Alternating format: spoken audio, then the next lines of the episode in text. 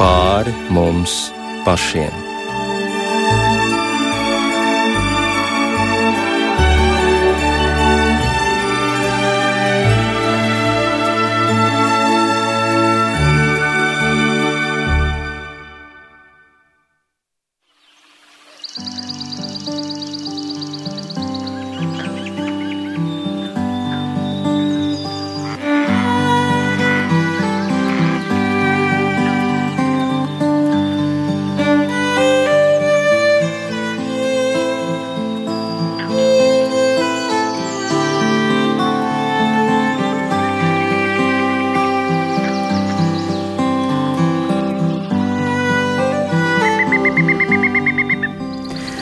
Labvakar, raidījumā pāri mums pašiem, lai ir slavēts Jēzus Kristus. Studijā Inte Zēgnere par skanējumu rūpējas Kristaps Eida.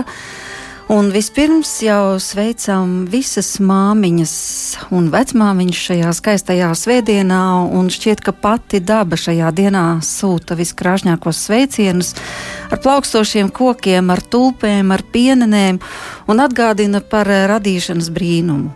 Un īpaši radīšanas brīnumu piedzīvo tieši mammas, to neaptveramo noslēpumu nest sevī dzīvību, to ieaicināt šajā pasaulē un mīlēt ar bezgalīgu mīlestību. Un tā tiešām mīl mammas. Un pavisam nesen pārlasot apakstuļa Pāvila doto mīlestības raksturojumu vēstulē korintiešiem, es sapratu, ka tas ir sacīts par mūsu mamām, par to, kā tiešām ir spējīgas mīlēt viņas. Tā ir mīlestība, kas ir lēnprātīga, kas ir laipna, kas nemeklē savu labumu un nepiemin ļaunu, kas apklāj visu, kas tic visu, kas cer visu un panes visu. Un varbūt kādam šķitīs, ka šis raksturojums ir pārāk ideāls un dzīvē ir citādāk. Un kaut arī mātes un bērnu attiecības ir dažādas, jā, tiešām mēdz būt arī dažādas. Tomēr man šķiet, ka šīs paša dieva īpašības ir ierakstītas visu māmu gēnos.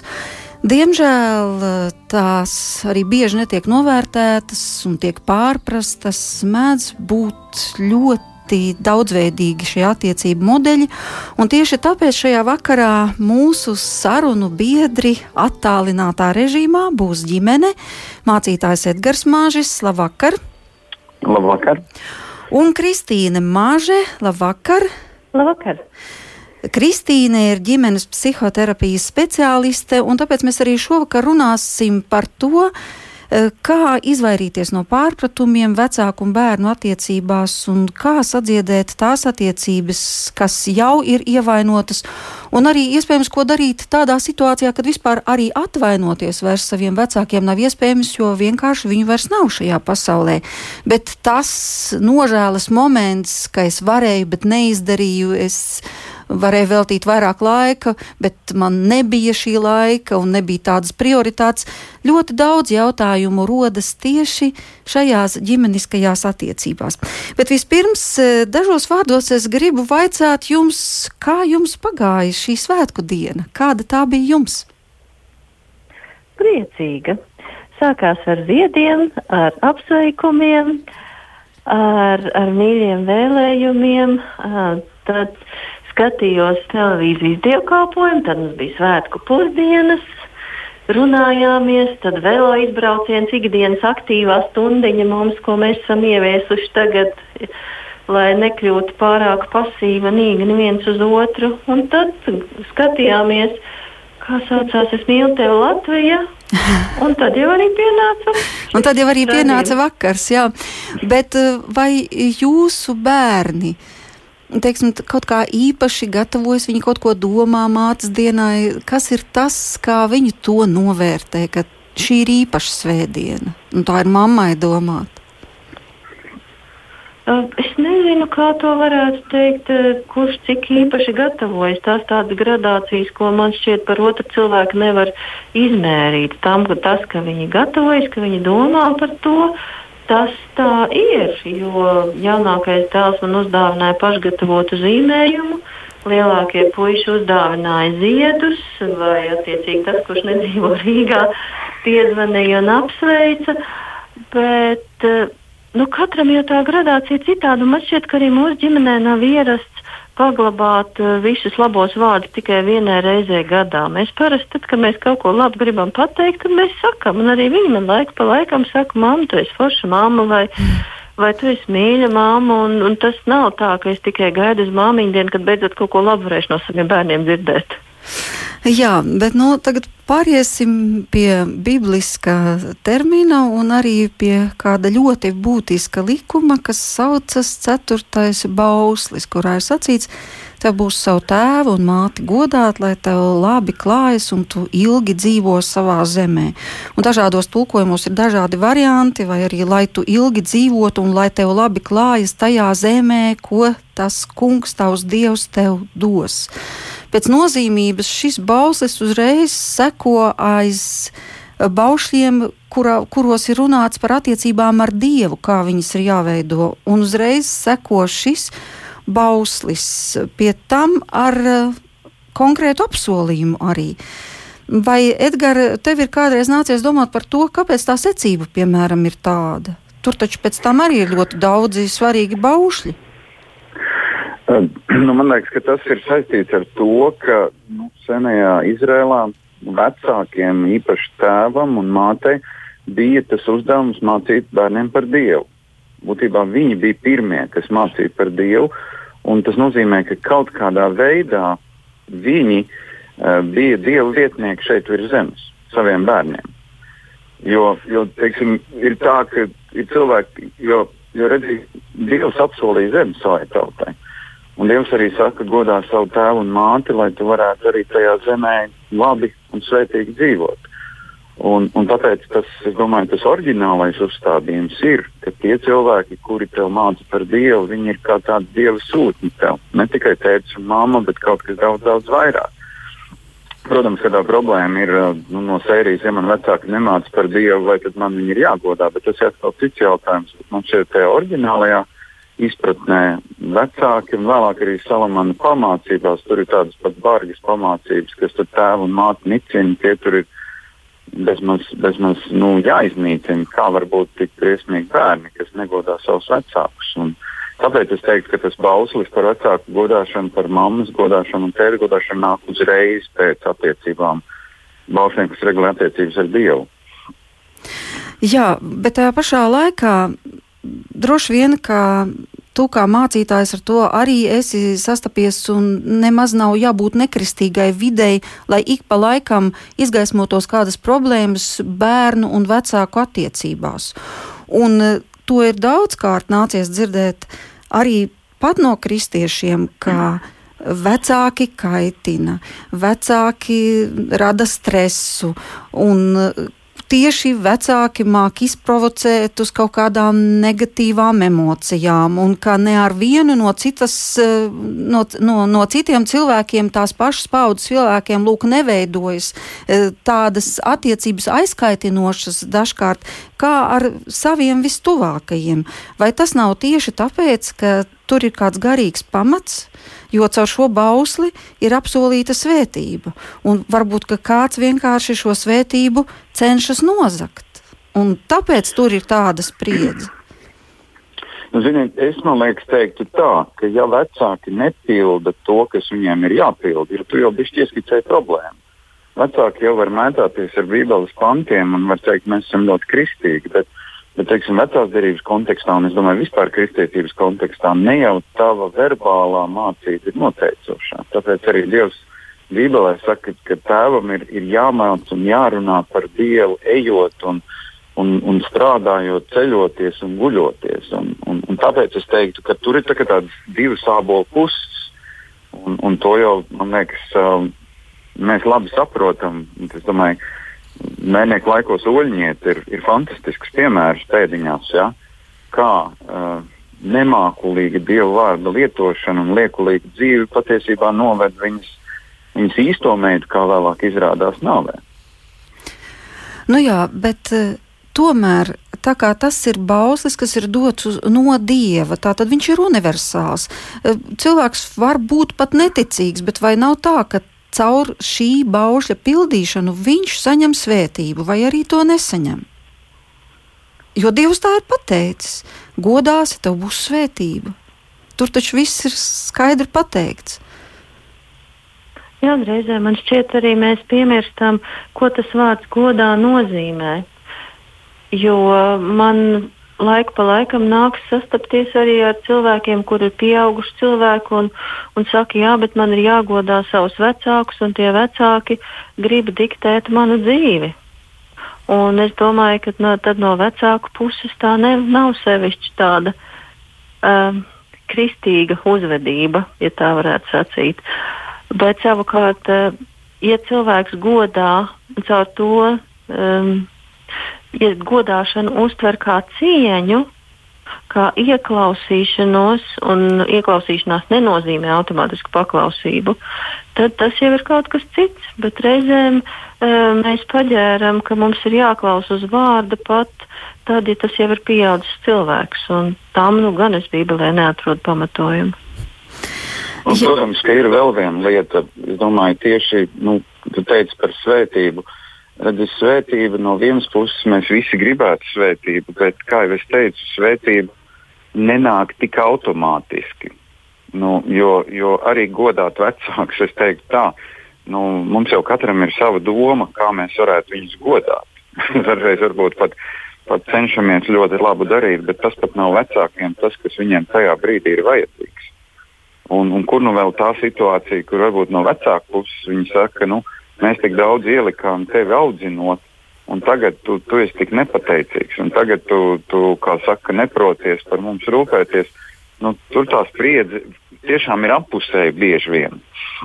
Nu, taisnība, ka ir jātiek galā ar šīm attiecībām, mums jāiemācās sadzīvot ar saviem vecākiem, jo, ja mēs to neiemācāmies, tad pat vecākiem nomirstot, mēs varam to iekšējo konfliktu paņemt sevi, un tad nu, mums nav tā svētība. Tad mums ir grūti ilgi dzīvot, tad mēs stresojam visu laiku. Bet, ja mēs mācāmies pazemīgi veidot kādu, ceļu, kaut maziņu taciņu uz vecāku pusi, tad tas mums palīdz arī pieņemt sevī tās daļas, kas ir stipri līdzīgas mūsu vecākiem. Jā, bet tādā gadījumā, kas tad būtu tas pirmais solis? Vai nu bērniem apzinoties, ka tā tas ir nolikts no dieva, neatkarīgi no tā, kādi ir vecāki, tomēr atrast, par ko viņus cienīt un godāt, vai arī vecākiem vispirms šis gods kaut kādā veidā būtu, nu, tas vārds būtu slikts, jānopelna, lai viņus būtu par ko, kā tu Edgars sacīja, godāt. Bet Man viņi ir tie, kas ir devuši dzīvību. Jau tas vien, ka viņi ir devuši dzīvību. Labi, Dievs ir devis dzīvību, bet caur konkrētajiem šiem cilvēkiem. Jā, es domāju, ka te ir drusku līdzīgi kā laulībā, ka reizēm cilvēki saka, nu es jau savus 50 ieliku, lai tagad tā otra puse tos 50% ieliek un tad būs. Bet, bet manuprāt, jebkurās attiecībās mums ir jācenšas ielikt 100%. Nevis, ka simtprocentīgi man ir jācenšas atkal paklausīt, vai izdabāt, vai darīt, kā no manis pieprasa, bet ieguldīt simt cenšoties tās, tās attiecības padarīt par maksimāli labākajām, kādas tās ir iespējams dotajā situācijā. Un tas ir abpusē vienalga, vai tas ir vecāks pret bērnu vai no bērna uz vecāku. Tikai tad, ja katrs dos tos simt procentus, tikai tad tur kaut kas var veidoties. Ja mēs sāksim gaidīt, kurš te pirmais spērs soli vai vai kurš tad cik procentus ir iedevis, tad mēs varam arī palikt tikai pie mērīšanas. Es domāju, arī, ka mums ir jāapzinās, ka pirmkārt mēs kā bērni neesam ideāli, un arī mūsu vecāki nav ideāli.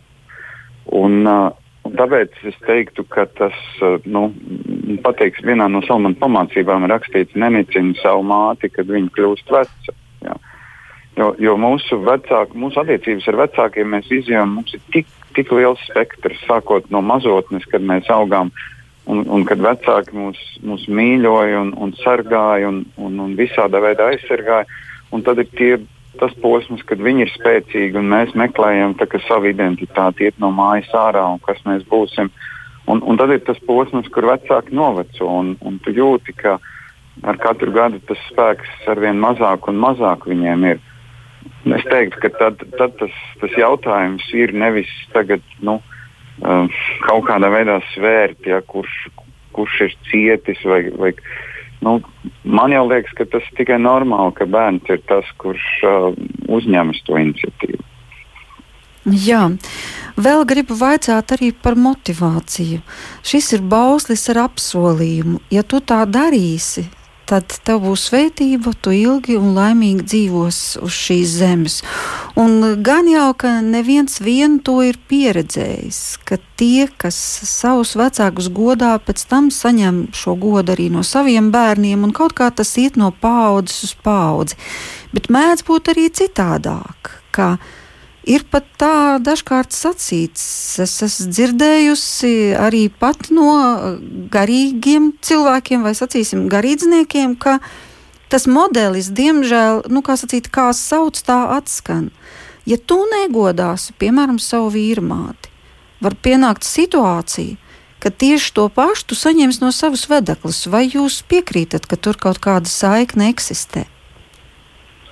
Nu, tas, ko mēs nevaram ciest citos, tas jau diezgan bieži mūsos pašos vēl ir lielākā mērā, kā jau ir tā līdzība par baļķu un skabārgu, ko tu redzi skabārgu brāļa acī un neredz baļķu savējā. Ir tas, ka tās nepatīkamās lietas mēs ieraugam citos un kaut kā nepamanām sevī.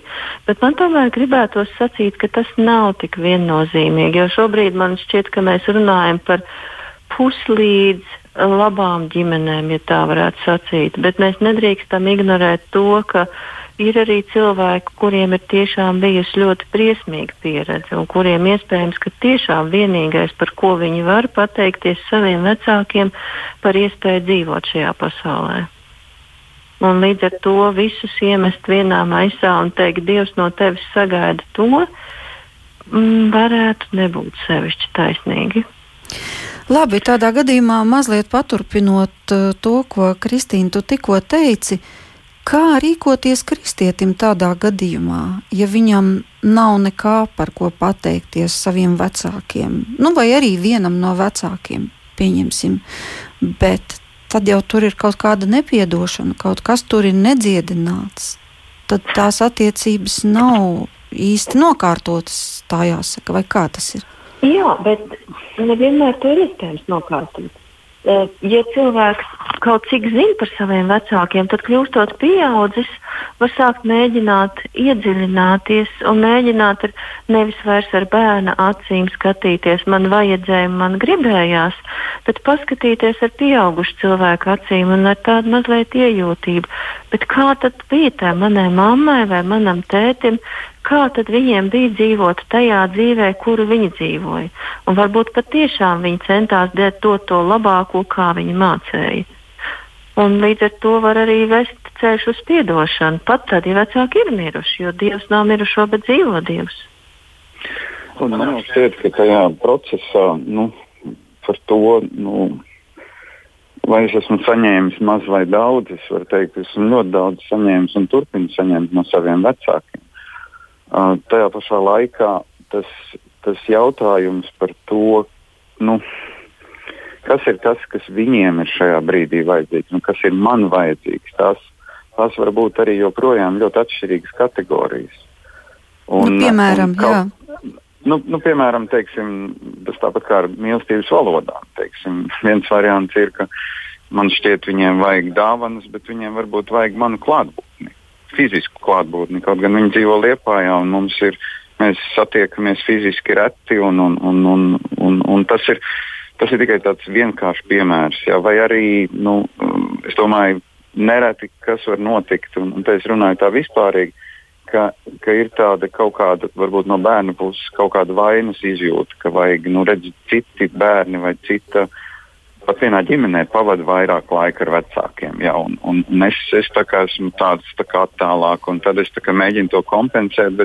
Tas var, arī, tas var arī būt diezgan falšs pasākums, ka mēs nezinu, sākam mērīt, cik daudz laika, īpaši, ja ģimenē ir vairāk bērni, ja, kurš tad ir tuvāks vecākiem un kurš, kurš tad ir mīļāks. Un, un, un, un tas ir gandrīz neizbēgami, ka, ka kāds ģimenē ir mīļāks bērns un kāds nav tik daudz saņēmis. Bet, uh, Nu, tur ir tāds, es teiktu, tāds, tā tāds slaloms bieži vien, ka tu īsti nezini, kāds būs tas nākošais solis.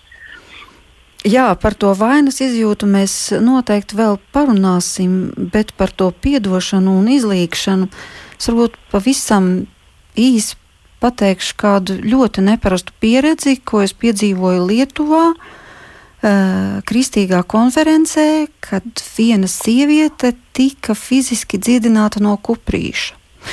Man bija ļoti nērti viņu fotografēt pēc tam, kad viņas mugura iztaisnojās. Nu, tas tā nu, vienkārši Tāpēc man nav nevienas bildes, bet viņas stāstīja savu liecību par to, cik vardarbīgs ir bijis tēvs ģimenē un kā viņa pie, pie pirmās iespējas ir. Nu, dzēris un vardarbīgs, un viņa pie pirmās iespējas ir aizbēgusi prom no mājām, kļuvusi par skolotāju, pārcēlusies uz citu pilsētu un neko nav zinājusi gadiem par savu tēvu. Un tad uh, pēkšņi kāds viņai ir pateicis, ka tēvs ir slimnīcā, un viņa aizgāja. Nu, Viņa jau par kristieti bija kļuvusi, un viņa aizgāja, un viņa ieraudzīja pavisam izvārgušu, vecu cilvēku, un pēkšņi pārslēdzās pilnīgi kaut kas cits viņas sirdī, un viņa sāk izjust gan žēlumu, gan mīlestību pret šo cilvēku, kur varbūt pirmoreiz ieraudzīja citām acīm. Un caur šo viņa sāka regulāri iet pie viņa un nest viņam ēst, un, un vienkārši mainījās attiecības, bet notika pārdabiska dziedināšana arī viņai pašai, pie tam ne tikai garīga, bet arī fiziska. Jā, bet redziet, es domāju par to. Piedošana, jebkurā gadījumā, nav cilvēka izgudrojums. Piedošana ir, ir, piedošana ir dieva veidota. Un, un, lai šādos gadījumos piedotu, tur tiešām ir vajadzīga tāda ļoti brīnumaina dieva iejaukšanās. Jo pretējā gadījumā tā ir tikai tāda nu, vārdiska piedošana. Nu, man te ir jāpiedod, un es tev piedodu, bet nākošajā rītā jau viss rūkums nāk atkal atpakaļ. Tas bieži vien, es domāju, tas stāsts ir, ir ļoti skaists un aizkustinošs. Un, un es domāju, ka daudzi, daudzi varbūt arī, kas klausās šo raidījumu, ļoti vēlētos, lai varētu šīs attiecības ar vecākiem nu, kaut kādā veidā sakārtot tā, lai tiešām pēc tam nebūtu žēl, kad vecāki vairs nav. Bet tas ir ceļš, kurā man šķiet, mēs ejam tā milimetru pa milimetram. Tur pat nav, ne, nu, dažreiz tas ir pussolīts, un dažreiz ir, nu, tas notiek daudz, daudz lēnāk, kā mēs gribētu. Bet es ticu, ka paļāvībā uz Kristu ir iespējams šīs, šis piedošanas ceļš. Un, protams, patīkamāk ir, ka var redzēt kaut ko fiziski, kādas izmaiņas, bet līdzīgi kā ievainojumi var būt ar vārdiem vēl dziļāki nekā ar sitieniem, tāpat arī dziedināšana var notikt dziļi iekšā, ķermeniski nekam nemainoties. Arī tā tas var būt. Un, un Dievs strādā tik ļoti dažādi. Un citiem tā dziedināšana nāk pa pilītē, pa pilītēm tikai varbūt mūža noslēgumā var redzēt, jā, Dievs man no tā ir dziedinājis. Paldies! Ļausim jums atelpoties mazu brītiņu, paklausīsimies kādu dziesmu, un tad atkal turpināsim sarunu. Kristīne un Edgars Maži ir mūsu šī vakara viesi. Mēs jau dažas lietas iezīmējām, bet eh, gribu, kamēr vēl ir laiks un iespēja, varbūt jautāt par to, kādi ir viss tādi, nezinu, biežākie pārpratumi uh, bērnu un vecāku attiecībās? Un no kā tie rodas? Respektīvi, tās kļūdas, no kurām mēs varētu izvairīties. Jo es domāju, ka daudziem tās ir ļoti līdzīgas, un daudzās ģimenēs tās ir ļoti līdzīgas. Kristīna, tu jau teici par to kontrolēšanu, ka Nu, kādā gadījumā izpauž šī kontrolēšana un kādā veidā? Un varbūt, ja mamma zinātu, ka tā nevajag darīt, viņa tā arī nedarītu, bet viņai šķiet, ka viņa izrāda rūpes par savu bērnu. Viņa tiešām viņas izrāda no visas sirds. Ja? Un bērns runā vienā teikumā un noliek klausuli. Nu, tāds elementārs piemērs. Jā, es domāju, ka viena no tām lielākajām grūtībām mums, mamām, un es domāju, ka ne tikai mamām, arī tēviem, ir tā grūtība atlaist savus bērnus. Jo tad, kad bērniņš piedzimst, tad šķiet, ka nu, beidzot ir viens, kas mani mīlēs, kam es būšu pasaules centrā, kas mani nepametīs, vai arī es tagad beidzot izaudzināšu vienu perfektu vīrieti, vai es izaudzināšu nu, beidzot vienu kārtīgu sievieti. Un ka mēs bērnus izmantojam, ka mēs vecāki bērnus sākam izmantot savām vajadzībām. Un tad nelaižam viņus vaļā, un tā vietā, lai būtu tas drošais un stabilais pamats, no kā viņi var atspērties un lidot uz dzīvošanu, mēs viņus turam un velkamies kā tāds liekais balasts līdzi un gribam visu zināt, iztirpināt, kā tev gāja, kur tu biji, ko tu darīji. Un es nedomāju, ka mums nevajadzētu pavaicāt un interesēties par saviem bērniem. Bet, ja tā ir tāda liela tirpināšana, un iztaujāšana un izprašņāšana, tad tas vairs nav veselīgi. Bet tas ir no kāda vecuma? Taču normāli, ja 5. Eh, klases skolniekam prasa, kā tev gāja, kur tu biji, vai tu ēdi. es domāju, ka jebkuram vecumam ir prieks, ja vecāki vaicā patiešām ar interesi, kā tev klājas. Nu, kas tev bija tas jaukākais šodien? Vai kas tev visvairāk apbēdināja šodien? Vai kas tev bija grūtākais? Bet, ja mēs tikai pavaicājam, kā tev gāja, un īstenībā nenoklausāmies atbildi vai atbildam ar mhm. Mm un tad pēc tam nākamais jautājums ir, vai grib ēst? Un atkal nenoklausāmies īsti atbildi, jo paši esam tik ļoti pārņemti ar sevi. Uh, tad, tad tas aiziet tādās īsās atbildītēs, un nākamā mamma tādā tautas valodā saka atšujies no manis. Man jau šķiet, ka arī nu, viena no problēmām, kas mums ir kā vecākiem, ir, ka uh, mēs bieži vien nu, cenšamies izmantot savu autoritāti, varbūt tā, kā mums nevajadzētu viņu izmantot. It īpaši domājot par disciplinēšanu, par, nu, nu, tur ir vajadzīga milzīga gudrība, lai, lai mēs, nu, saka, nepavilktos līdzi uh, savam bērnam. Ja? Tas, tas bērns vienalga tīnis, un varbūt arī vēlāk mēs, mēs dažreiz Varbūt arī, ka bērns jau ir jau, nu, es nezinu, nu, varbūt jau ir 20, 25 gadi. Nu, nu, tur jau ir sava dzīve, bet, bet mēs kaut kādā ziņā nu, gribam būt tie padomdevēji, kur mums padomus neprasa. Un, un tajā ziņā varbūt ir labi, ka mēs varam kādā brīdī teikt, nu, mm, es saprotu, ko tu esi izvēlējies, vai ko tu gribi darīt, vai tu gribētu dzirdēt arī manu viedokli. Nevis teikt, tas viss ir garām, ko tu esi izdomājis. Un, un, un tā ir pilnīgi neveiksme. Un, un, un, un, un tu kritīsi un tu sasitīsies. Nu, dažreiz mums ir jāļauj mūsu bērniem arī kļūdīties. Bet vai te neveidojas kaut kāda tāda pretruna, ka tik tiešām mammas, tēvi, viņi jau grib to pašu labāko, viņiem ir uzkrāta dzīves pieredze, viņi redz, tev nevajadzētu tā darīt, jo tiešām tu kļūdīsies, un viņi grib no šīs kļūdas pasargāt. Nu, vai tad tiešām viņiem tā nevajadzētu darīt? Bet tad, ja mēs nekļūdāmies, mēs neko nevaram iemācīties. Un man šķiet, tā ir tā traģika padomju gados augušajiem, un arī tā skaitā man, ka kļūda ir kaut, kā, kā, kaut kas ļoti biedējošs. Un tad mēs mēģinām būt tik šausmīgi perfekti, perfektāki par pašu dievu un kļūdāmies, un tad liekas, ka mēs esam nevienam nevajadzīgi un nekam nederīgi.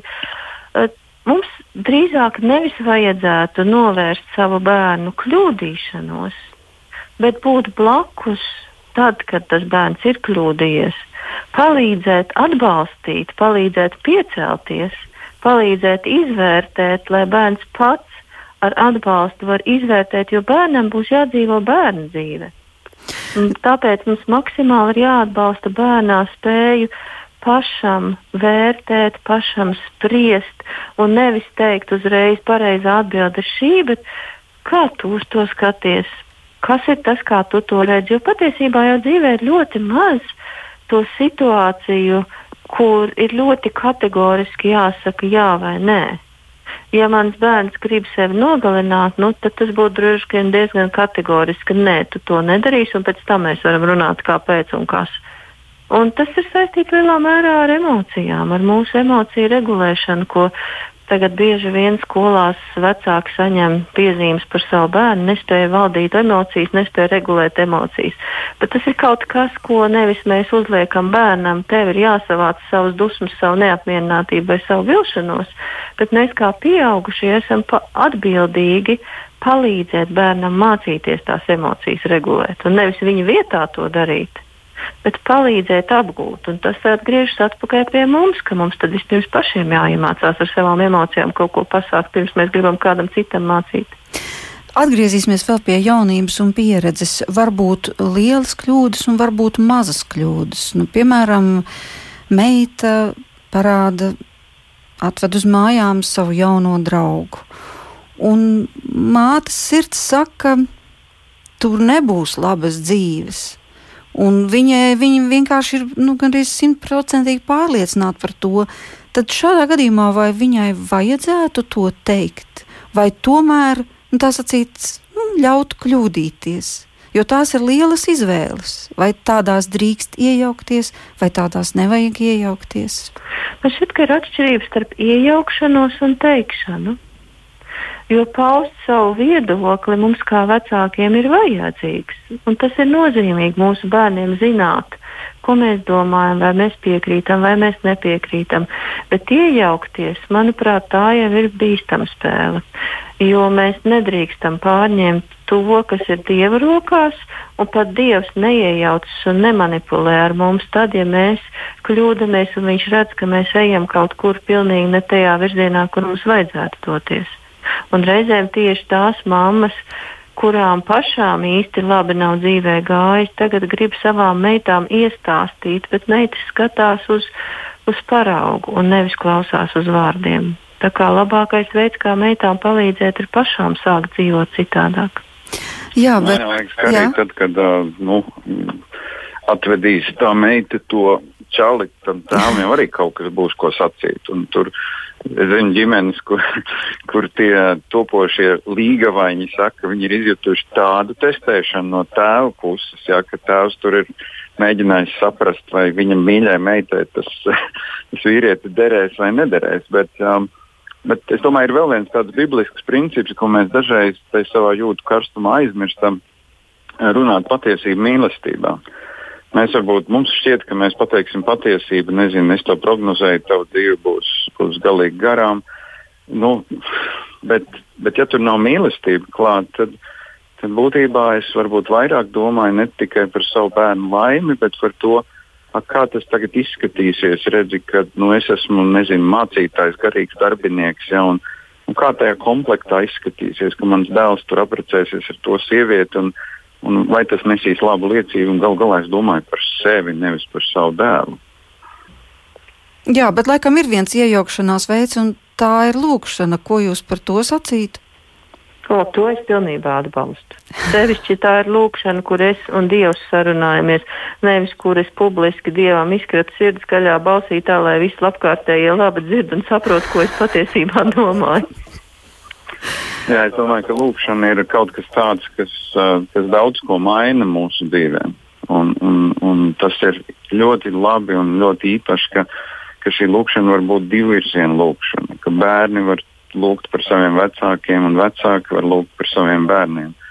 Man šķiet, ka tā ir, tā ir vis, vislabākā kombinācija. Bet, bet nu, uh, kā jau mēs runājam raidījuma gaitā, uh, tik daudz ir to ģimeņu, kas ir vai nu tikai kur mamma audzina bērnus, vai, vai tikai kur, kur ir nu, bērniem ir jāuzņemās, nezinu, tur dēlam ir jāuzņemās vīra funkcija jau agrā bērnībā. Tāpēc, ka vīrs ir tēvs, ir kaut kur pazudis. Un, un līdz ar to man šeit arī tas lūkšanas ceļš ir tāds, tāds viņš ir jāiepazīst. Viņš, viņš nav mehānisks, viņš ir tāds no sirds uz sirdi. Un labi, ja mēs atceramies, ka lūkšana nav tikai prasīšana, ka mēs tiešām varam no sirds ar Dievu parunāties par to, ko mēs domājam par tādu savu bērnu izvēlēm, un kad mēs varam arī atrast savā sirdī pateicību par to, ko mēs labu redzam savos bērnos. Jo reizēm mēs to uzskatām vecāki kā tik ļoti pašsaprotamu, ka mēs arī bērniem nepasakām, ka tas, lūk, ko tu izdarīji, bija labi. Un tad mēs pievēršam uzmanību tikai tad, kad izdara kaut ko, kas mums nav paprātam, un bērni mūs piedzīvo kā tādus kritiskus pirkstu kratītājus.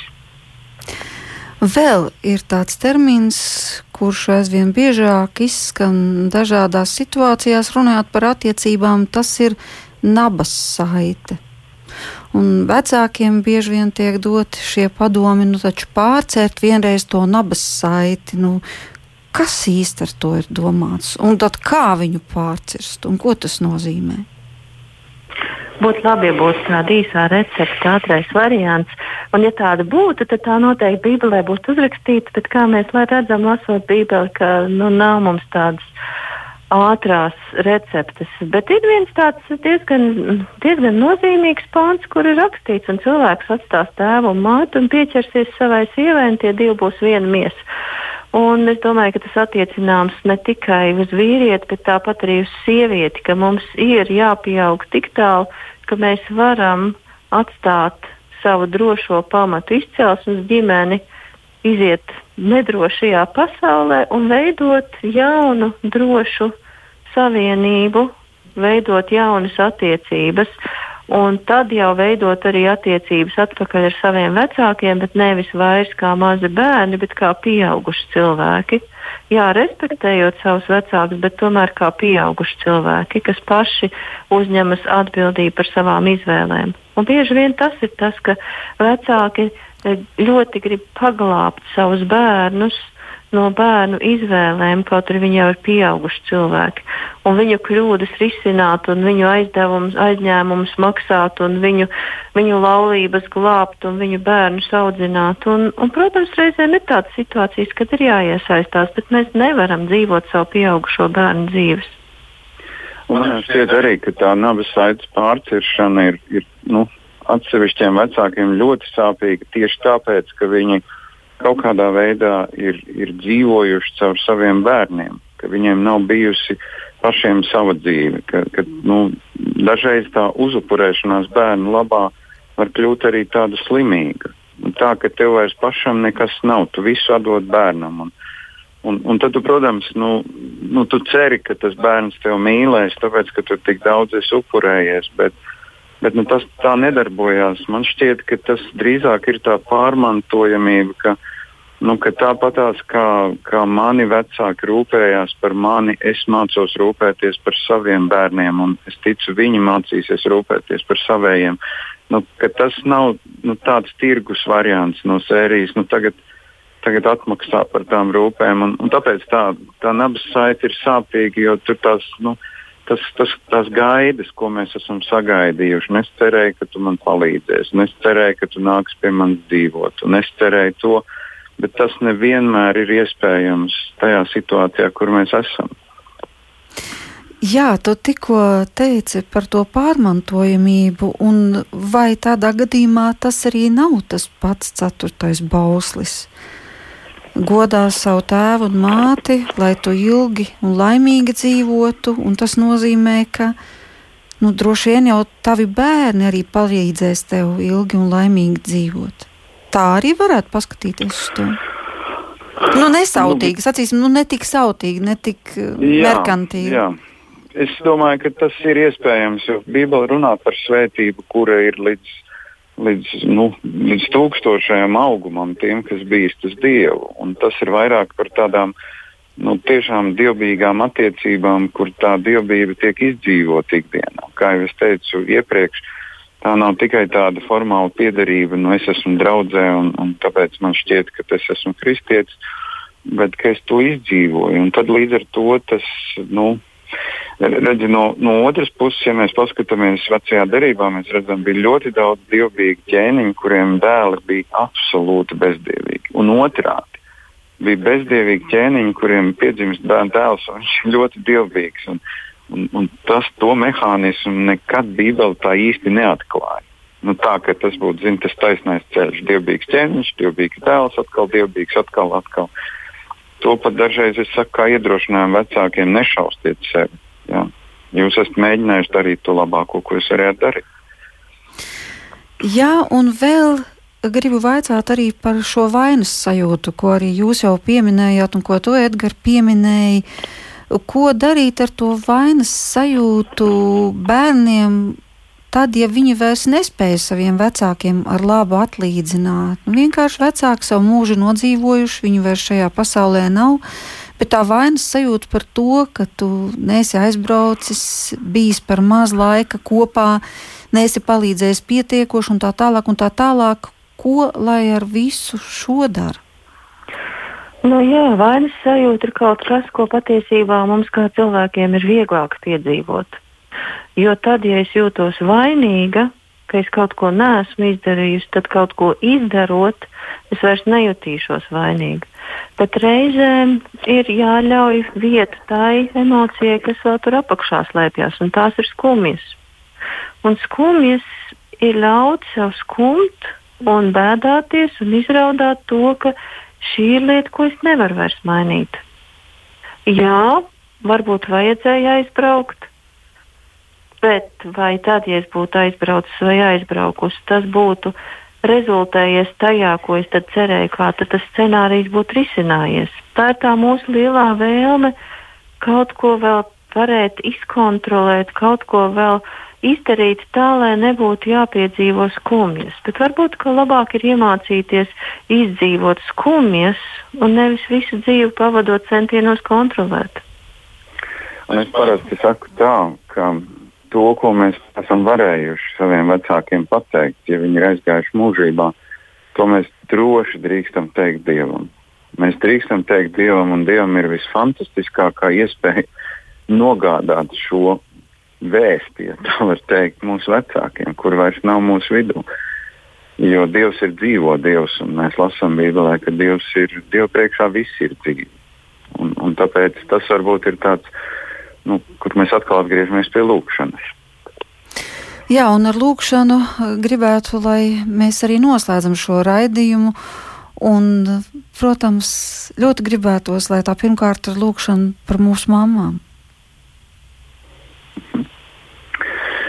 Mīļais Dievs, paldies Tev, ka Tu mums esi ļāvis ienākt šajā pasaulē, mūsu mammai, mūsu dzemdējot. Es Tev pateicos par savu mammu, un es pateicos arī par Kristīnas mammu, kur nu jau ir mūžībā. Paldies, ka tā ir bijusi tik liela svētība un priekštiesība. Un paldies par to, kā caur mammu un arī caur tēti mēs esam varējuši tikt audzināti un veidot. Paldies Dievam, ka neskatoties uz grūtībām, kuras mēs piedzīvojam, tu ļauj mums ieraudzīt to, cik tuvu tu esi bijis um, gan mūsu mamām, gan tētiem visas dzīves garumā. Un tā pašā laikā es lūdzu šajā brīdī, kungs, par tām mamām, kuras, kuras jūtas tik slikti, kurām šķiet, ka viņas ir neveiksmnieces, kurām šķiet, ka viņas neko savā dzīvē nav varējušas izdarīt, un ka bērni ir atstājuši, un viņas ir vientuļas un viņas skumst. Kungs, es lūdzu arī pēc šīs attiecību dziedināšanas, kas mums tik ļoti ir vajadzīgas. Paldies, Tev, ka mēs varam arī šajā vakarā apstāties un, un kādu brīdi par šīm lietām domāt. Dod mums gudrību un spēku un, un palīdz mums iet tālāk. To mēs lūdzam Kristus vārdā. Amen. Paldies, saku mācītājam Edgaram Mažim. Šovakar un Kristīnai Mažai, ka padalījāties, ka varējām kaut mazliet paskatīties uz bērnu un vecāku attiecībām, arī par to, ka varējām atcerēties mūsu mammas gan šeit, gan arī tās, kas jau debesīs, sūtīt viņām šovakar šos sveicienus.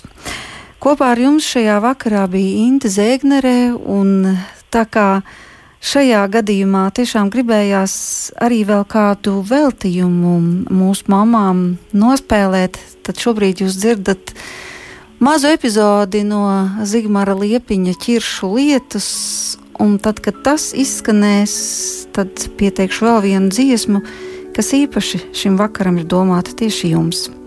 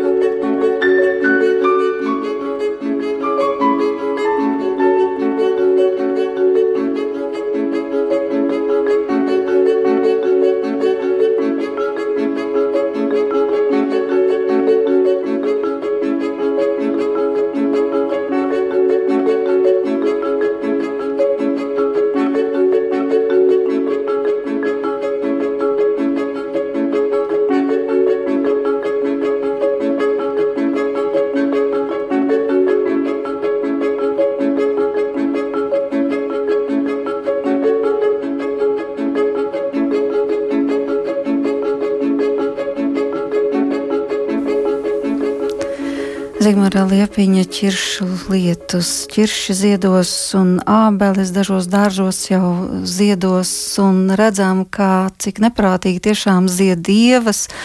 Visa viena liela ziedēšana. Sola gan, kas zina, kāda būs nākošā nedēļa, bet cerēsim, ka visi negājas pāries pāri. Bet galvenais jau, lai mūsu attiecībās būtu šis saulainais laiks, lai tur zied pieneņu pļavas, lai spējam piedot un piedošanu saņemt, lai spējam arī mīlēt tā, kā apustulis Pāvils rakstīs vēstulē korintiešiem, un šīs visas emocijas un visas lietas tomēr nedodas rokā arī bez pūlēm. Nākas piepūlēties, nākas audzināt savu raksturu, un kā kādreiz teica Zenta Mauriņa, kā prieka puķes ļoti kalnēnās vietās aug, un tieši tur viņas ar sūru darbu dažkārt ir sasniedzamas. Bet lai mums visiem izdodas un lai svētīgs ir šis vakars, un kā veltījumu gribējās ļoti jums noslēgumā nospēlēt šo Jāņa Lūsēna dziesmu, kur patiesībā runa ir par rītu, bet īstenībā jau par mūsu dzīvi.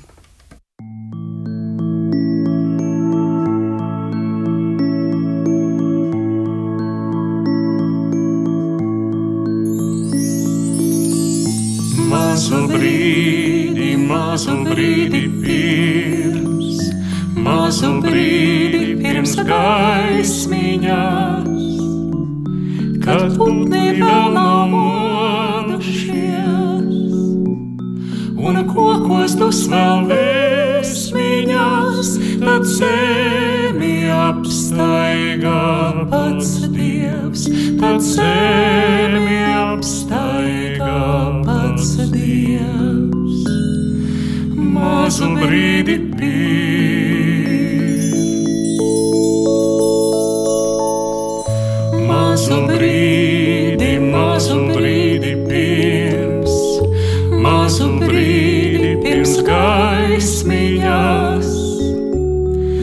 Viņš iet pa ļaužu būdiņām,